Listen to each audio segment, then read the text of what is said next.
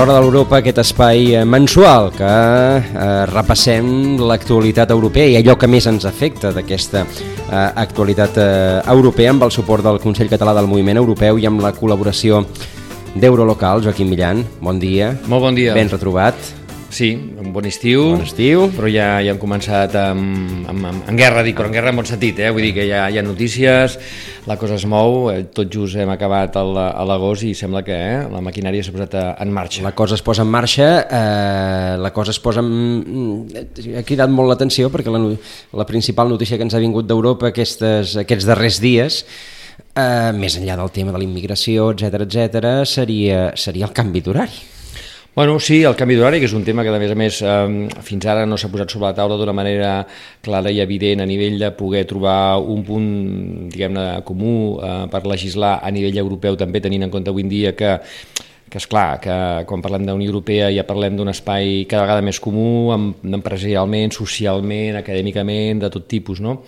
I per tant també era uh, una cosa que, que feia temps que poder a l'àmbit social se'n parlava i ha sobtat una mica que això ha saltat a la política i ha saltat a la, a la, a la banda ja, diguem-ne, més de, de legislar sobre el tema, aviam què fem, no? I ha sorprès una mica tothom perquè, clar, era un tema que fens mentre era eh, conversa, eh, era de cafè o de tertúlia, doncs estava molt bé, però ara que ens hem tingut que mullar tots, eh, doncs ja la cosa ha estat diferent.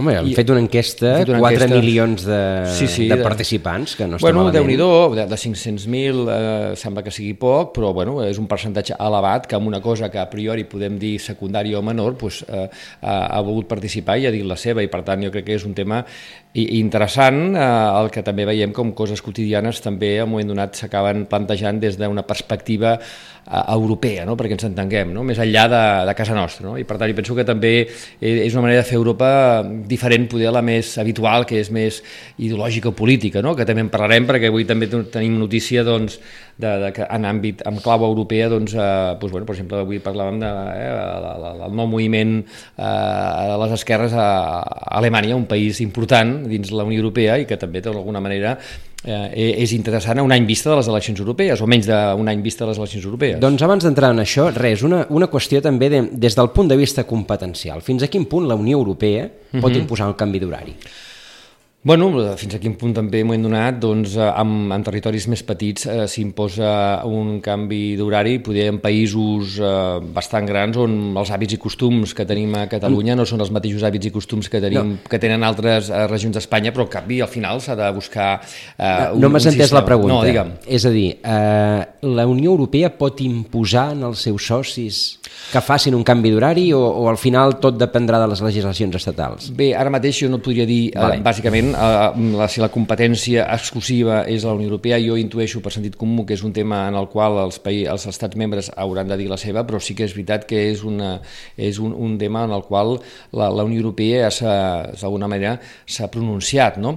I és veritat, i, i poder tornar una mica a l'explicació que, que jo introduïa, doncs que malgrat els hàbits i costums poden ser diferents, al final en aquests moments estem compartint un espai comú on la relació cada vegada és més evident, possiblement no és el mateix Suècia que Espanya, més que res per, diguéssim, per les qüestions pures i dures del clima, la climatologia fa molt, eh, no surt al mateix hora el sol en una banda a una altra d'Europa i poder el territori europeu és molt, molt ampli per poder eh, concretar una hora per tothom, però sí que és veritat que possiblement en aquest tema es necessita començar a ser conscients eh, i en tot cas a posar-s'ho a la taula i a, i a comentar-ho, no? perquè eh, també és, és veritat que a vegades fins que no hi ha un tema sobre la taula no comencem comencem a pensar-hi i no comencem a debatre, encara que sigui per eh, acabar concretant que les postures que tenim en aquests moments són les bones, no? perquè a vegades és senzillament el poder fer el debat, acabes reafirmant-te amb, el, amb el que en aquests moments tu com a hàbit i costum tens i, i poder doncs, és una qüestió també de... Jo sempre dic que el clima fa molt, eh? no és el mateix eh, el clima nostre, on per exemple la gent a vegades en pregunta, és una de les coses que sobta més, no tant a quina hora comencem o acabem, sinó dues hores per dinar, de dues a quatre pareu per dinar, Eh, eh, esclar, és, clar, sí, sí. Eh, això no depèn del canvi d'hora, eh? No, però també del clima, és a dir, clar, si tu tens un clima que fa molt de fred, doncs, esclar, el que vols és arribar, arribar a casa l'abans possible i passejar-te eh, per la ciutat, doncs la veritat és que no, no es presta massa si fa molt de fred i a més ha estat plovent, eh, plovent tota l'estona, perquè al final t'agafes i fas un sàndwich a l'empresa eh, o al despatx o a la botiga on estiguis treballant i, i tiramilles, no? Aquí, clar, el clima fa que també, doncs, bueno, doncs, esclar, tu trobes aquí eh, molts, això del menú és un tema que, vull dir, te'n vas a altres llocs i, bueno, per dinar un menú, i et miren com, bueno, una amanida i va que xuta, com que un menú?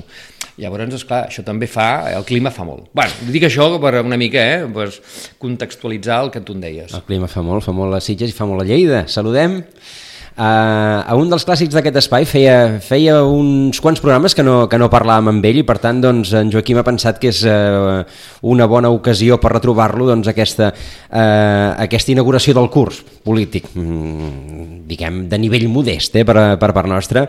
Albert Balada, bon dia. Molt bon dia, com esteu? Uh, bé, de moment no hi ha boira a Lleida, suposo, encara. No, no, però eh, ja sabeu que és un tòpic, eh, de la boira a Lleida. I, ho sabem, ho sabem, és veritat. A veure, comencem, comencem el curs polític eh, amb, els, eh, amb els reptes que, que tancàvem al passat i amb els reptes que, que parlàvem gairebé eh, doncs fa gairebé un any que no, que no parlàvem amb l'Albert i, i, i de fet eh, són els mateixos però probablement una miqueta més concretats. Eh, M'equivoco? Sí, no ha canviat gran cosa, és a dir, ara estem, amb, estarem, entrem a mesos d'aniversaris de, d'aniversaris punyents, no? Uh -huh. Però, diguem, la situació no, no ha canviat eh, substancialment. Eh, a, a veure, jo, jo vaticinava que segurament es produiria un error, no, ara fa, fa un any, eh? Vull dir, sí, sembla, sí. no puc recordar les paraules eh, precises, però, eh, diguem, amb, amb el tema de la secessió, parlàvem en aquella època, o es fa o no es fa, i si no es fa, doncs hi haurà reacció per part de l'Estat, inclús recordava allò del, del, del, del divorci, no? De, doncs del, del, del marit violent, no? Bueno, és la situació nova que ens trobem ara eh, en, aquest, en aquest moment, vull dir, no n'hi no, no ha una altra, eh? és a dir, sense que això representi que jo no em solidaritzo que no m'agrada que hi hagi gent a la presó, que no, que no m'agrada que hi hagi gent doncs, exiliada, no, no és això, no? Uh mhm. -huh. El que passa que respon a una realitat, eh, diguem, penal, social, jurídica, política de l'Estat, eh, que mirar-ho d'una altra manera doncs era un error, no? Eh, no ha canviat res i ens, ens trobem en aquesta situació i des del punt de vista politològic per mi continuem enrocats amb aquesta, amb aquesta posició, o sigui, és, una retroalimentació cap a les diferents postures que hi ha. I... Ja, ja, ja sé que dic, dic alguna que no es diu habitualment, eh? Sí, sí. Però... Uh, el que passa és que des de uh, l'any passat es deia, oh, però des de fora, des de fora, això, des de fora, des de fora, des de fora, mm. continuen mirant-s'ho igual, oi? Uh, jo, jo, jo sempre vaig sostindre el, el, el parer eh, contrari al que es deia, no? De dir, bueno, la Unió Europea intervindrà en absolut, la Unió Europea ho, ho ha de considerar un assumpte intern. Les Nacions Unides, un assumpte intern. És a dir, no, no, no és algo que, que, pugui, que, pugui, que pugui desenvolupar, diguem una opinió en el dret internacional, perquè no, no toca, és un tema que s'ha de resoldre, un tema, diguem, nacional, entenent com a estat, en aquest cas, uh -huh. el concepte nacional, no? I a partir d'aquí, doncs, un cop estés resolt el tema, ja el, el, el Parlament Internacional ja decidiria i començaria a arbitrar qüestions, però de moment doncs, doncs no. El que passa que, clar, eh, eh, tornem a jugar a la política, no? Diguem, les, les disposicions dels tribunals belgues, dels tribunals alemanys, eh, eh, s'utilitzen políticament fent creure que són una altra cosa. Uh mhm. -huh. I són, són, són, són, són altres coses, no? Vull dir, suposo que el Sol Joaquim coincidirà amb mi, el que és sí, jurista, les, no?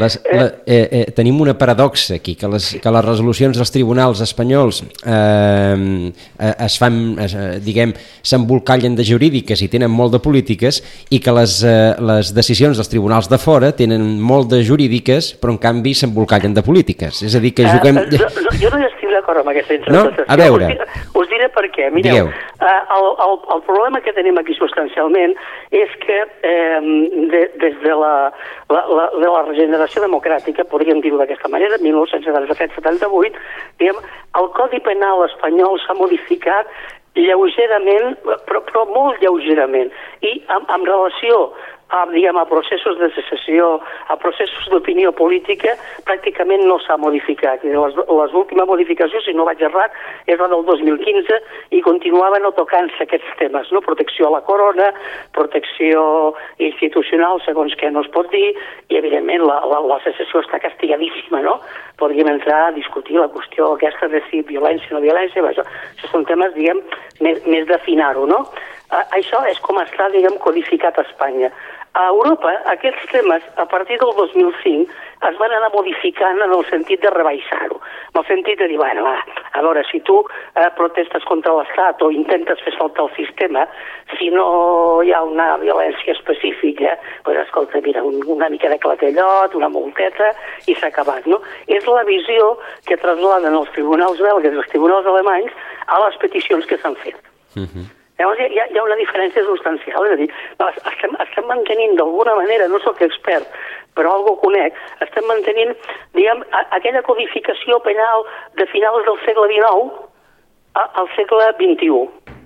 Um, jo estic per, per cridar-los l'atenció als nostres polítics, dir, escolta'm, però que, que no ho veu veure, les diferents reformes que es va fer del Codi Penal, que esteu mantenint doncs, un model arcaic. Mm, perquè, perquè també podia això, ser... Per, per això cobren, eh? Anava a dir, també, també podia ser intencionat, eh, aquest manteniment.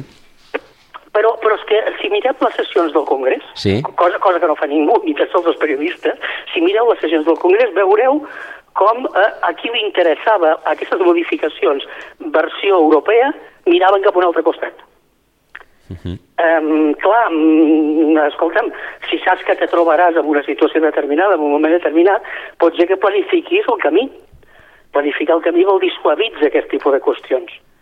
Uh -huh no sé, eh? jo, jo, jo és el que recomanaria, no? És dir, eh, va, va, previsió de, eh? perquè clar, les coses no passen perquè sí en un moment determinat, és a dir, hi ha una, hi ha una intencionalitat, doncs home, comença a plantejar-te modificacions i a suavitzar aquest codi penal eh, que costa molt, eh? Vull dir, és, és un codi penal que ha costat moltíssim, recordeu coses que no tenen res que veure amb el que estan parlant, però la introducció de, de l'alcohol i les drogues com a greujant dels delictes amb tràfic, per exemple, ha costat moltíssim perquè hi ha la visió de que això ha de ser atenuant, no? Fins ara eren, eren atenuants, si vas drogat o, o, o, o, o, o, està, o estàs borratxo, diguem, era un atenuant. I amb determinats delictes continua sent atenuant, no? no doncs ha costat moltíssim introduir aquest canvi.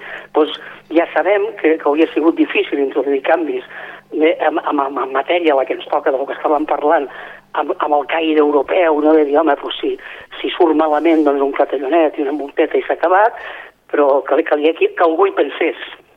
No? no, de totes maneres, jo com a jurista, ja no tant eh, de la vessant europeista, sinó com a jurista, el que, el que jo a mi em sorprèn dels darrers temps és que, mm, com tu deies molt bé, costa molt Uh, no modificar, sinó actualitzar, perquè ja no és modificar en un sentit o un altre, és posar al dia, posar al dia la legislació, encara més costa que això arribi als tribunals i hi hagin sentències que la gent entengui, perquè moltes sentències que avui en dia tenim coneixement pels mitjans de comunicació, avui en dia les xarxes, etc, no les entén ningú eh, perquè no estan tampoc eh, adients a, a les circumstàncies de, de l'actualitat, la, de la societat, de les demandes de les socials que hi ha en aquests moments, per tant això és un altre tema, ja no parlo de, eh, dels, de, dels desaucis al seu moment, ara podem parlar de temes de violació que sembla que bueno, si, si ets en grup encara eh, eh, no és una agrogen, és un atenuant, o si, si va al sol és fotut, si vas cinc potser no és tan fotut, clar, la gent fa broma, perquè és una de, no vull fer broma d'això, però, però la gent fa broma perquè, clar, al final, eh, escolta'm, no, no s'entén res d'aquí a aquí, oh, això és gravíssim, però després al Congrés es posen d'acord que aquest tema no s'investiga perquè, clar, mm, ah, jo puc ser investigat per qualsevol cosa, un altre no, ja tots sabeu en què ens refereixo, etc etc etc. Després, segons quins temes, ja entraríem en l'àmbit polític, per sol fet que són polítics, automàticament aquí ràpidament, i un tema que poder una persona que està esperant una sentència de dos anys que li està costant sí. el negoci, doncs no li arriba, saps? Vull dir, la sentència sí, sí. a favor o en contra, però és que no li arriba. No? I per tant, tot això jo crec que fa trontollar una mica el que avui en dia pues, aquesta desafectació ja no a la política, sinó amb, que és el més greu, perquè tu pots estar desafectat políticament, hi ha una desafecció amb l'institucional, amb l'estructura d'estat, amb l'estat de dret i amb tot plegat. Vull dir, la gent no, no sé, no, jo parlo amb la gent jove, ja no parlen de política, no, és que parlen que tot això els importa un pito, saps? Vull dir que, per tant, estem en una situació més greu que la desafecció política. És a dir, si els polítics han aconseguit no només la primera cosa que era la desafecció amb si mateixos, sinó aconseguit ja la desafecció amb l'institucional i amb l'estat de dret. I això per mi sí que és més greu, molt més greu. Estic totalment d'acord amb tu, Joaquim, perquè diguem, jo he introduït el cas de tràfic per, per no anar al, al, al que has comentat tu, no? Uh -huh. però, però tots, els, tots els, els, els, els assumptes que estan passant últimament, també aquest que parlaven de la secessió, diguem, és eh, el dret que sempre ha anat per darrere de la societat, sempre, i això és habitual, ja ens ho diuen quan, quan comencem a estudiar, no? Però, però a, aquesta vegada no és que vagi molt per darrere, aquesta vegada és que va un segle i mig per, per darrere, no? Sigui, i, i, i sembla com si eh, ja, ja, ja n'és bé, no? Vull dir, aquesta imatge que està una mica a fora, fronter, fronteres amunt, diguem, europea, del que representa Itàlia, del que representa Espanya, del, del que representa Grècia, o sigui, la, la manera de fer, jo escoltava, no té res que veure, però escoltava el que deies respecte de, de com influeix la geografia i el clima amb el tema horari, no? Doncs bé, com que som així, doncs ja està bé que el model sigui així, doncs, home, no, no, no, no, no, no, no està bé. Hi, hi ha coses eh, que, que s'han de tocar d'una altra manera, que no les podem tocar com es tocaven el 1893, no? Vull dir, no, no, no, no és acceptable. En, en aquest cas, el, el fet de que Europa pugui mirar Espanya amb el, amb el tòpic del sol, sangria i toros no ajuda gaire, tampoc.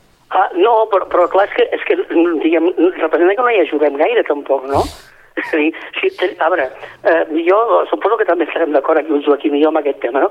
Quan, quan algú pontifica sobre la bondat de la Constitució espanyola i de tot el sistema institucional, i parlo d'estatuts, eh, eh, a mi com a politòleg em fa riure, perquè jo no sé si us heu entretingut algú a llegir la Constitució espanyola avui, eh, fa, fa una mica de grima el llenguatge, no? Uh mhm. -huh. bueno, I, i, alguns, i, alguns articles del títol primer, sobretot.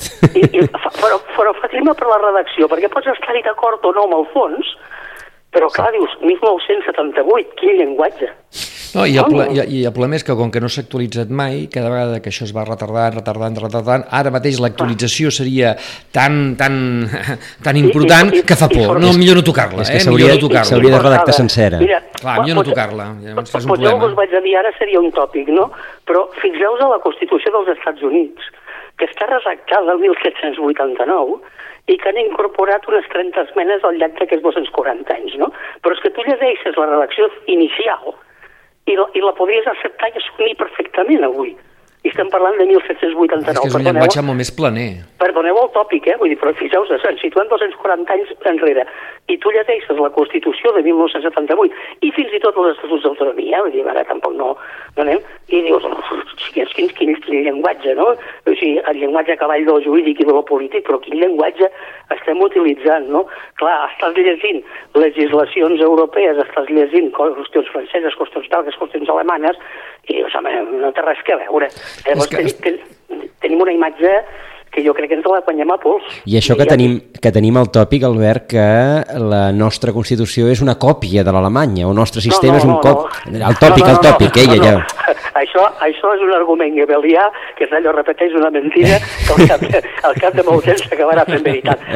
En, en, en absolut, és una còpia de la Constitució alemana de 1949, la llei fonamental de Bonn. Fixeu-vos, no es diu ni Constitució, mm. es diu llei fonamental de Bonn, o sigui, està plantejada d'una altra manera. Està plantejada... A veure, la fa un politòleg, perdoneu que no recordi el nom, un politòleg nord-americà, per tant, la, la redacta en clau saxona, amb el sentit de, a veure, anem a fer una cosa que si com he modificat-la d'aquí deu anys la modificarem i no passa res, no? Per això el diuen clar, llei en lloc, en lloc de Constitució, no?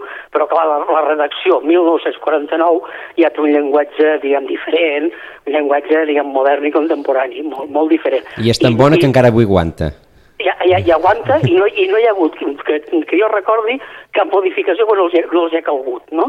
I a més aguanta una estructura federal, que és la, la de la República Federal Alemanya, que fins i tot permet la incorporació d'estats exteriors, o sigui, per tant, una, una OPA per, per absorció, no? Vull dir que, uh -huh. que no els ha calgut fer res. Sí, I ja dic que és un tòpic, eh? No, no s'assembla en absolut, no s'assembla amb res. Vull dir, és una, un, un, un model que, que home, ja, ja ens agradaria semblar, sí. No, L'altre dia em deia un amic el 78 es va fer una Constitució que era la que teníem, perquè havia al rerefons el soroll de sables que deien i tal, i per tant, bueno, partien d'on partien, i per tant es va poder lograr això, i em deia, i ara ens trobem que no la podem tocar pel mateix motiu. I llavors feia una mica de broma, jo dic, bueno, deixem-ho aquí, no? Però clar, ell, que és una persona normal i corrent, li feia la broma, però feia el mateix. I ara tampoc la podem tocar, perquè sembla que també eh, el rerefons no ens la deixa tocar, tampoc, saps?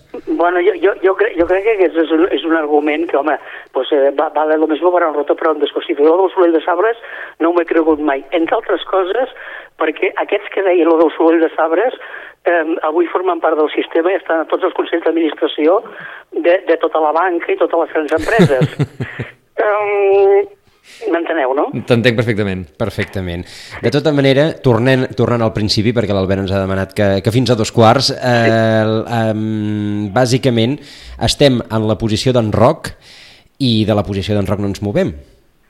A veure, jo, jo crec que, que és una posició mm, molt, molt complicada per, per tothom. És a dir, ara hi ha, hi ha un cert canvi, si, si tu vols, amb la manera de, de plantejar-ho des de Madrid, però fixeu-vos que tenen una debilitat parlamentària molt forta, diguem, el govern de Madrid té una debilitat parlamentària, per tant, està canviant els arguments dia sí dia també, perquè no, no li queda altre remei.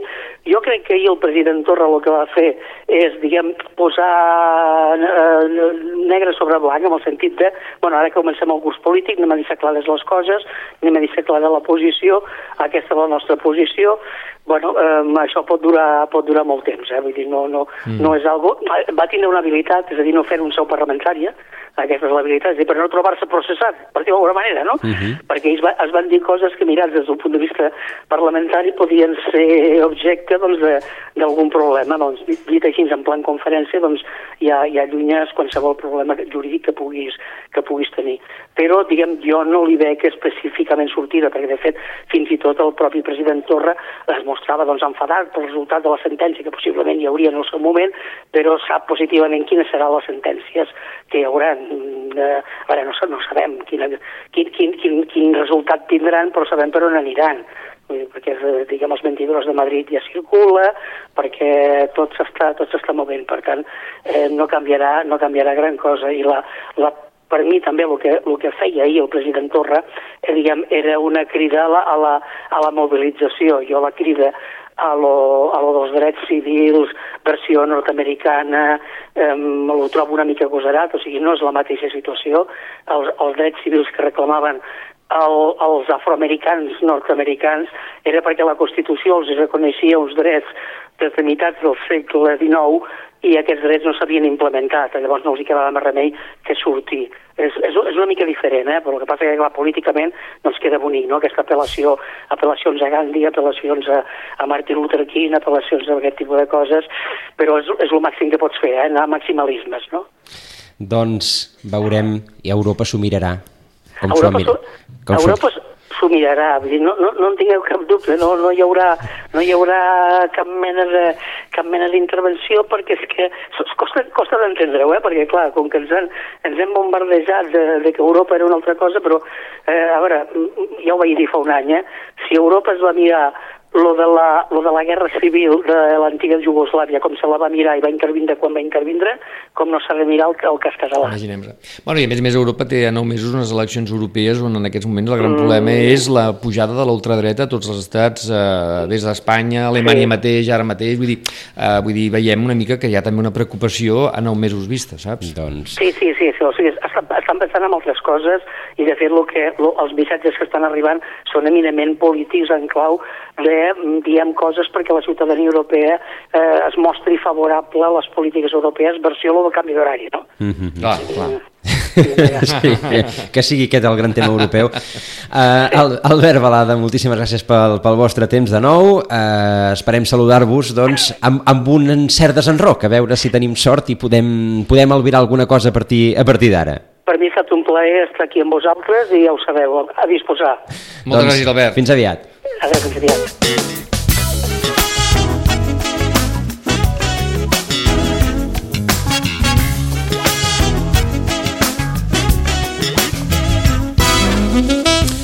Doncs Joaquim ens ha passat com ens ve passant darrerament, que al final acabem hablando de lo nuestro. Sí, hablando de lo nuestro. Això jo estava pensant, dic, aviam si ara la segona part parlem més l'accent al tema Europa, perquè clar, També és veritat que, que, que els problemes que tenim en aquests moments a nivell europeu, a banda d'aquest estiu hem parlat eh, del canvi d'horari a nivell europeu, també poder perquè hi havia algun tema que es tenia que parlar, i bueno, també és un tema final que, que per què no, no? Però ja, no és el gran tema, eh? El gran tema és que, per exemple, la setmana que ve, el dia 12, tenim la conferència del senyor Juncker, eh, que és la conferència fa el mes de setembre normalment de l'estat de la qüestió de la Unió Europea, el que en diem el SOTEU, que està a més a més el tindrem el dia 12, per tant veurem quina és el, la proposta que la Comissió Europea fa per aquest darrer any ja, tenint en compte que la legislació i per tant també el seu mandat de moment i hi ha eleccions dintre de quatre dies, per tant vol dir eh, que, que també hi ha la, el calendari electoral europeu i polític s'accelera. I ho veiem també a Alemanya, tot això també perquè ara mateix s'ha fet aquesta posició, bueno, però clar, també estan pensant en eleccions europees, pensem que les eleccions europees en alguns estats i l'estat espanyol han estat importants les últimes perquè van posicionar sobre la taula un partit que era Podemos, que fins aleshores no existia, uns ciutadans també que fins aleshores eren una cosa molt residual, pues, també a nivell europeu pues, van treure uns escons i a partir d'aquí van, i, bueno, i ara ho veurem, no? també per exemple plantegem a les eleccions europees també hi ha partits que es presentaran i pot ser que després això suposi també un posicionament en els seus estats, no? que és on acaben jugant el, el partit, diguéssim, eh, diguem-ne, més, eh, més eh, proper, no?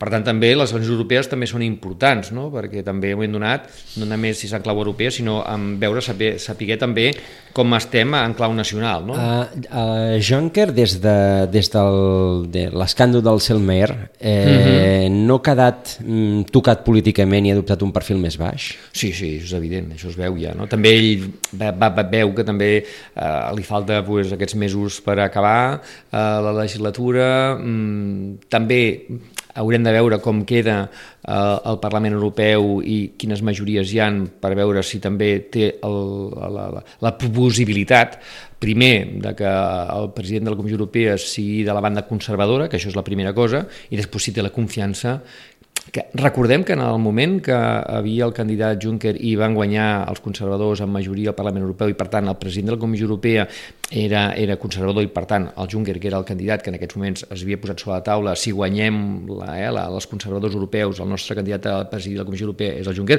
va haver-hi reunions per ostres, el Juncker ara no ens agrada, el canviem us en recordeu, no? Eh, una reunió que vam dir, home, això no és sèrio fem la campanya dient eh, que és una mica l'acord que havia, eh, el pacte de dir dels Spiden candidat, hem de dir, ostres, ostres, pues, que la gent tingui clar que si guanyen uns uns altres hi haurà aquest candidat un altre i a la veritat ara el volem canviar i al final eh, va ser el propi Juncker i els que l'apoyaven i els donaven suport van dir no, no, eh, aquest és el candidat i punta pelota però va haver-hi un moment, no? per tant veurem també si en aquestes eleccions primer els conservadors, el Partit Popular Europeu té la majoria suficient com per i després si tenen el mateix, li donen el mateix suport que ha tingut el, el Juncker. També és veritat que el Juncker ha tingut problemes en el seu gabinet, eh? vull dir, ja s'han filtrat coses, etc, que això és habitual també, però bueno, veurem quin desgast finalment té a casa seva també. Eh? Uh mhm. -huh. Doncs eh, saludem el, a un altre dels nostres eh, contertulians habituals, Xavier Ferrer, president del Consell Català del Moviment Europeu. Xavier, bon dia. Bon dia. Eh, parlàvem ja amb en, amb en Joaquim d'això, d'aquest any que li queda a, a Jean-Claude Juncker i, i de la seva debilitat o no política. Sí, bueno, aquest any és un any important per la Unió Europea perquè any curs polític, vaja, perquè uh -huh. el maig de l'any que ve hi haurà eleccions al Parlament Europeu, que això vol dir que poden canviar les majories o les, les eh, que hi ha ara eh, en aquests moments, i també vol dir que, eh, amb tota seguretat, hi haurà un canvi de president a la Comissió Europea que sortirà del, del resultat de les eleccions al Parlament. Uh -huh. I aquí doncs, ja hi ha uns certs posicionaments de possibles substituts de Juncker, com és eh, un alemany o altre, i veurem veurem com, com es va configurant això. Estem parlant encara de a 8 mesos vista. Uh, Alemanya que uh, aquesta setmana, diguem, s'han destapat uh, uh, diverses qüestions al voltant, al voltant d'Alemanya. Per una banda, doncs això, la proposta eh, que hi hagi un candidat alemany a presidir la comissió, la proposta que eh, deixi d'haver la regla de la unanimitat a l'hora de prendre decisions i, òbviament, també la qüestió que tant eh, afecta eh, a Merkel de la, de la immigració interior i, i de, de la manifestació que va haver de, dels neonazis al concert, al concert posterior dels anti-neonazis. Bé, és a dir que eh, tota una sèrie de, de qüestions que, que, que orbiten sobre, sobre Alemanya. Sí, sí, bueno, de fet, eh, en, en, a la Unió Europea que coneixem en aquests darrers mesos, o hasta fins i tot un any, podríem dir, trobem a faltar la, la, la presència d'Alemanya. No? Estàvem mm. molt acostumats a, a que d'alguna forma, no directament, però sí com a, a capacitat d'influència, la Unió Europea anava avançant també en l'entorn d'Alemanya, que d'alguna forma és el 30% del pressupost de la, econòmic de, de, de la Unió Europea amb la debilitat del govern Merkel, doncs això s'ha diluït una mica, ha sortit la figura de Macron, que vol també impulsar eh, la Unió eh, la Unió Europea, fer-la més, més diguem, política, però també han sortit eh, aquest entorn doncs, altres països que, que, que volen debilitar la Unió Europea. Per tant, estem, diríem que estem s'està amb una cruïlla que d'alguna forma, el millor, a la meva manera de veure, per la Unió Europea i pels ciutadans europeus, és que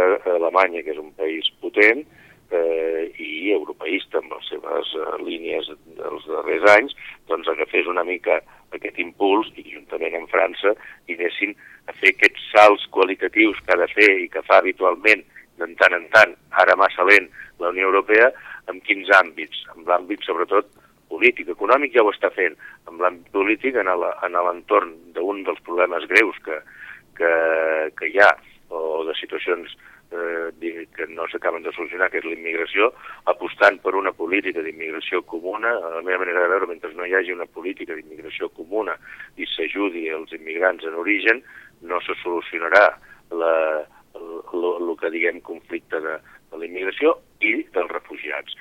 Això d'una banda i després doncs, també un impuls institucional, s'ha de fer una Europa més política, si no el món va molt de pressa i els altres estats les altres àrees econòmiques i polítiques del món mm, prenen les decisions molt més ràpid que la Unió Europea i, o que els estats de la Unió Europea i no podem quedar enrere. Uh, la Xina està invertint fortament a, l'Àfrica, Rússia doncs, uh, es dedica uh, diguem, a posar una certa malamaró allà, allà on pot de la manera, de la manera que sempre, que sempre ha sabut fer eh, Rússia i, i, i, clar, i Europa aquí al mig, doncs, el que comentàveu, la debilitat de Merkel, Macron encara està perdent ministres eh, a setmana que passa, eh, i unes eleccions al Parlament eh, al maig de l'any que ve que, que a, cada, a cada lloc es veuran d'una manera diferent, i no parlem d'aquí que, que probablement tindrem 25 urnes, oi? Sí, sí, no, i a més a més eh, encara hi faltaria un altre element que en altres moments no, no passava, sempre hi havia d'alguna forma el suport a la Unió Europea des dels Estats Units i amb la mm. presidència de Trump això s'ha revertit. I per tant, en, les, en la posició de Xina i de Rússia també hi hem d'afegir la dels Estats Units, que és antieuropea i amb la qual doncs, encara debilita més la Unió Europea. I, i m'agradaria fer una, un incís amb el cas, amb el cas apuntat de la inversió de Xina a la a l'Àfrica. Uh mhm. -huh. és, és, un, és com una nova colonització moderna que no és, diguéssim, agressiva, que no és com les colonitzacions que van fer els estats europeus fa 200 i 300 anys, i que d'alguna forma s'estan intentant eh, a la, en els estats eh, africans sense fer soroll i, a més a més, eh, facilitant doncs, finançament, infraestructures, però, evidentment, cobrant-s'ho amb, amb terrenys, que hi ha tot una, tot una visió de futur de poder controlar els aliments i, i la producció d'arròs bàsicament i després també de minerals.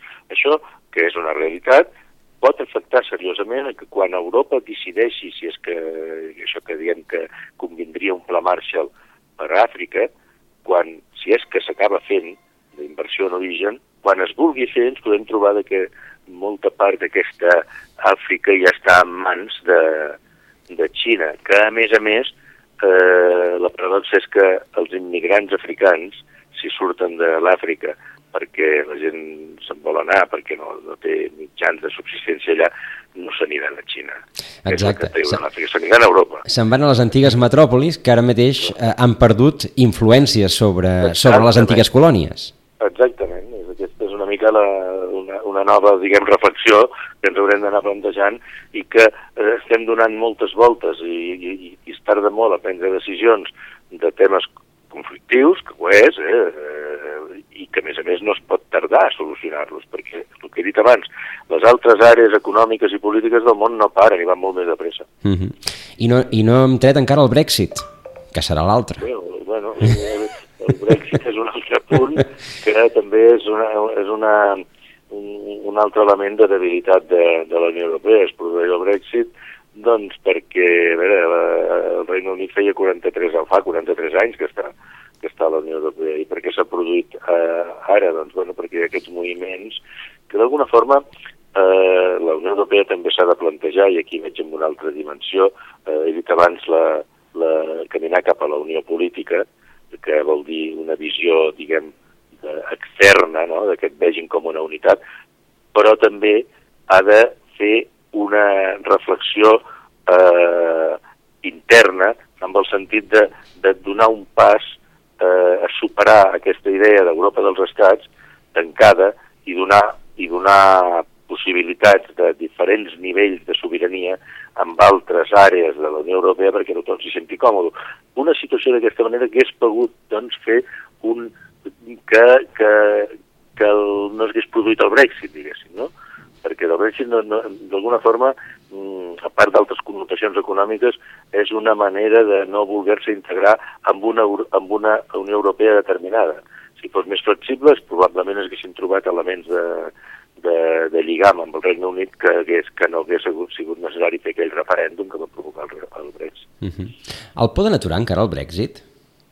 Eh, bueno, la vida, a la política es pot fer de tot eh, i i aquí es pot confondre fàcilment el desig amb la realitat. Uh -huh. eh, segur que hi ha molts britànics que el voldrien aturar i molts més europeus que el voldrien aturar, jo mateix m'agradaria que, que es revertís, però el que també entenc que el Regne Unit eh, les decisions que es prenen democràticament en referèndum són molt curosos faran mans i mànigues que per no, per no revertir-lo, per no tornar a fer un altre referèndum, com dient això aquest que hem fet no ens agrada, doncs en farem un fins que ens agradi.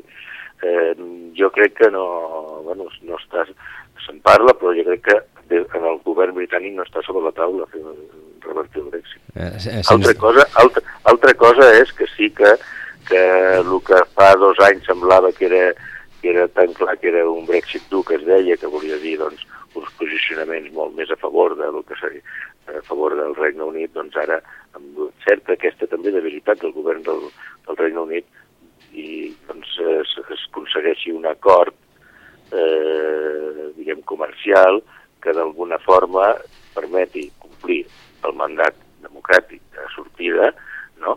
però que no canvi, eh, almenys no canvi substancialment les relacions econòmiques i institucionals entre, entre el que seria el Regne Unit fora de la Unió Europea i la Unió Europea. És a dir, la solució noruega, que, que hi siguin sense ser-hi. Sí, sí, exactament. Sí, sí. Això, té, això, té una, això, això té una mica de trampa, uh -huh. no, trampa no, però té una mica de, de que, de que hi pot haver-hi algun altre estat que digui, bueno, doncs jo també m'interessa fer aquesta i la vull igual que el Regne Unit. Clar, tant, eh, és que si no obrim l'allò de l'Europa a la carta, no? Clar, des del punt de vista de la, a la Unió Europea no li interessa això, o es percebi així, perquè pot ser una manera de, de desmembrar la, la Unió Europea política i fer-la, que és una mica el que volen els anglesos, no? una, un àmbit de, un mercat, diguem, econòmic. No? Uh -huh. Pensem que Europa ja ha anat perdent eh, pistonada en el sentit que el projecte europeu eh, hi ha un moment donat que en vez d'entrar amb la, el que en dèiem la comunització, que era bueno, parlar, prioritzar lo comú europeu, eh, en un moment donat eh, es comencen a fer més reunions intergovernamentals, que vol dir els governs polítics de torn de cada estat per veure què ens interessa de la Unió Europea sense tant pensar en què interessa a la ciutadania europea del projecte europeu. Segon, segona qüestió, també ens ha passat els últims anys que, com que no tothom va al mateix ritme, hem parlat de l'Europa de les dues velocitats, inclús podríem parlar de l'Europa de les tres velocitats, quasi, quasi, eh? ja no sabem quantes velocitats hi ha dins la Unió Europea, però eh, això també ens ha passat. I ara entrem, i ara entrem també en, aquest, eh, en aquesta, en aquesta situació actual que ara el Xavier Ferrer eh, plantejava, eh, que és també eh, trobar-nos una altra vegada de, bueno, però el projecte europeu al final quin és l'objectiu, quins són els seus valors, quina és l'estratègia, és a dir, quan parlem de projecte de Unió Europea de què estem parlant. I aquest és el gran problema, per això també ens trobem que la ciutadania, que no ha sigut mai un projecte massa seu, tampoc l'ha entès massa perquè és molt complicat, però és que ara, a més a més, mmm, tampoc ni té interès, eh? perquè veu que realment doncs, bueno, això d'Europa és eh, una altra història més de la que ens han explicat i al cap i a la fi s'ho acaben manegant els mateixos que es maneguen els, els problemes més estatals, els problemes més regionals o més locals. Al final és un més de lo mismo, no? I aquest és un problema que ha caigut el projecte europeu, no? que per mi, eh, com, com a europeista convençut des de fa molt de temps, no? Sí, però, però això pot ser, és una anàlisi i és, i és així, és, però després si, si mirem una mica com, com va el món, eh, entenem que, que, que ens interessa eh, eh, anar junts, els europeus, perquè si no, a nivell de cada un dels estats europeus individualment i separats, cada vegada tindran menys influència en el, en l'àmbit mundial, diguéssim. No? Doncs jo us faré, us faré la pregunta d'una altra manera. La gent del grup de Visegrad tenen cabuda en un club que és com la Unió Europea? Clar que, clar que tenen cabuda. Jo crec que té cabuda, té cabuda o sigui, mm, Visegrad i fins i tot ampliar la, la, la Unió Europea. El que passa que s'han de respectar les, les, les, tant a nivell les identitats que hi ha dintre de la Unió Europea i els interessos. I això no, això no és fàcil, és, és complexa. Però, però com a europeus que fa anys els estats europeus, cada un individualment, havien fins i tot dominat el món, ara els 500 milions d'europeus som només el 7% de la població mundial. I, després, i a més a més, eh, amb una mitja d'edat cada vegada més gran. Per tant, necessitarem immigració, serem cada vegada menys percentatge perquè no es tenen fills en d'altres àrees del món tenen, i, i, però, i encara tenim el 25% del comerç mundial. I això s'ha de, de mantenir, però se li ha de donar una cobertura política mm, que, que preservi les identitats, com he dit, i, tots els sentiments de, de, de la Unió Europea. Però jo no veig, eh, o sigui, seria molt negatiu ja hasta pels ciutadans europeus un trencament de la Unió Europea i que es tornessin el, es tornés cap als estats nacionals. Bàsicament no perquè mm, en una anàlisi des del dintre d'Europa, sinó amb la, amb la relació amb el món amb tant com està canviant el món. No? Sí, però, però jo crec que hem perdut el que seria la... s'ha perdut el discurs de la seducció pel, per, per, i s'està suplint pel discurs de la necessitat. És a dir, tot l'argument és necessitem Europa perquè és pitjor, necessitem, però clar, la gent, bueno, necessitem, doncs, bueno, doncs llavors Europa, com els britànics, és una qüestió de necessitat, per tant és com un negoci, un contracte, el que tu vulguis, doncs és un tema econòmic, clar, llavors estem perdent una mica el relat de la seducció, el relat més dels drets civils, el relat, del relat de ciutadania en tant en quant creus que pertanys a alguna cosa més enllà del teu entorn més proper, aquest és el discurs que s'està perdent, i s'ha perdut, de fet, eh? Sí, aquí, aquí, i, i en l'àmbit català, diguem, encara més. Mm -hmm. Evident. Es havia, es havia apostat molt, sortíem, tirant a més anys enrere del franquisme, i Europa era com, com la, el camí que s'havia d'anar, no? I, i, i, i després, això en l'àmbit ja, diguem, d'estat espanyol, no? Però en l'àmbit català, a més a més, s'hi veia com eh, la possibilitat de que ens entenguessin des del punt de vista nacional, no? I en aquests darrers anys eh, tot el que ha passat i que no cal ara extendre'm, però és evident, no? Hi ha hagut una resposta d'Europa que a bona part de la societat catalana l'ha decepcionat. Uh mhm. -huh. I, I aquesta pèrdua de relat en general, doncs encara s'hi ha, això ho ha fet més, més fort. I és molt difícil de recuperar després quan, quan hi ha una pèrdua de, de, de sentiment de la ciutadania, tornar a recuperar. En, en... Però jo, jo, faig, jo faig una, una anàlisi més de, de necessitat, no? Uh mhm. -huh. que, que no, que no de, de, de sentiment o de, o del que pot pensar la, la ciutadania. Eh... Eh, jo crec que, que, eh, que on hem units hi perdem tots. Us feia la pregunta de, de, del grup de Visegrad, liderat per Hongria, doncs, eh, el grup de països que s'ha posat d'acord per, doncs, per tenir una estratègia comuna, bàsicament eh, contra la, la recepció d'immigrants, etc etc. Uh, més que res perquè, perquè un observador extern pot, pot acabar pensant de que, de que act estan actuant com una mena de cavall de Troia i al final qui, qui no hi vol ser Sí, sí és, és així, però, però amb, amb unes àrees tan grans uh -huh. sempre hi ha interessos eh, més focalitzats o més, o més eh, eh, concrets. Eh, per exemple, ara em ve la, la memòria que vaig, vaig estar, i us ho he explicat alguna vegada, no? Eh, eh, a les repúbliques bàltiques, que també és Unió Europea, uh -huh. i quan els hi parles allà, recordo en unes conferències, els hi parlaves de, del tema de l'immigració d'aquí i dels refugiats, els hi sonava xino, els hi sonava com si fos, de, de, bueno, pues, ni, ni, ni els interessava. El seu, el seu problema és Rússia. Els, va, aquí, ah. aquí, aquí anava. En canvi, parlaven, parlaven de que es havia de reforçar la OTAN i tal, perquè tenien por que Rússia els invadís. I ara jo faig la pregunta a vosaltres, o, als oients. A nosaltres, segurament que sí, eh, però ens preocupa realment si, si Rússia envaeix, eh, ja que sé, Letònia, home, sí, perquè, clar, des de, però des del punt de vista de, de necessitat concreta no ens preocupa més el que tenim a sobre, que és, que és tot aquest àmbit de la, de la immigració i altres problemes. I tot és Unió Europea. Per tant, eh, Visegrad també és Unió Europea i, per tant, tindran els seus interessos concrets i, i els defensaran. Evidentment, si hi ha d'haver unes normes comunes i democràtiques que eh, al final també serveixin perquè qui es passi de, de lo que és l'aplicació de la norma doncs, doncs no se li permeti. I perquè Hongria i, i en tema de refugiats i, uh -huh. i altres qüestions doncs doncs s'han de, de revisar o, o no es poden permetre. Però és evident que en àrees tan grans i si a més a més fem créixer la Unió Europea doncs hi ha d'haver interessos eh, no pot ser que, que es vegi com i ni és bo democràticament que es vegi com, com es veu Xina, no? que sembla que sigui una unitat i que els mil xinès... Eh, els mil milions de xinos, sí. doncs, Això vol dir que no hi ha una democràcia. Uh, Xavier Ferrer, us contestaré amb una, uh, amb una altra pregunta, i és que ens ha preocupat la invasió de Crimea, oi que no? Doncs, probable, doncs probablement la resposta està, està aquí. Us, uh, us agraïm aquesta, aquesta estoneta, Xavier Ferrer, president del Consell Català del Moviment Europeu. Molt bé, moltes gràcies. I Joaquim Millan, ens retrobem el mes que ve. Aviat, perquè estem ja en camí d'eleccions i les notícies a nivell europeu també, cada vegada les tindrem sobre la taula i podrem debatre i discutir. Doncs eh, ho deixem aquí, el mes que ve, més hora d'Europa. Nosaltres eh, ens acomiadem i ara notícies i d'aquí una estoneta, roda de portaveus.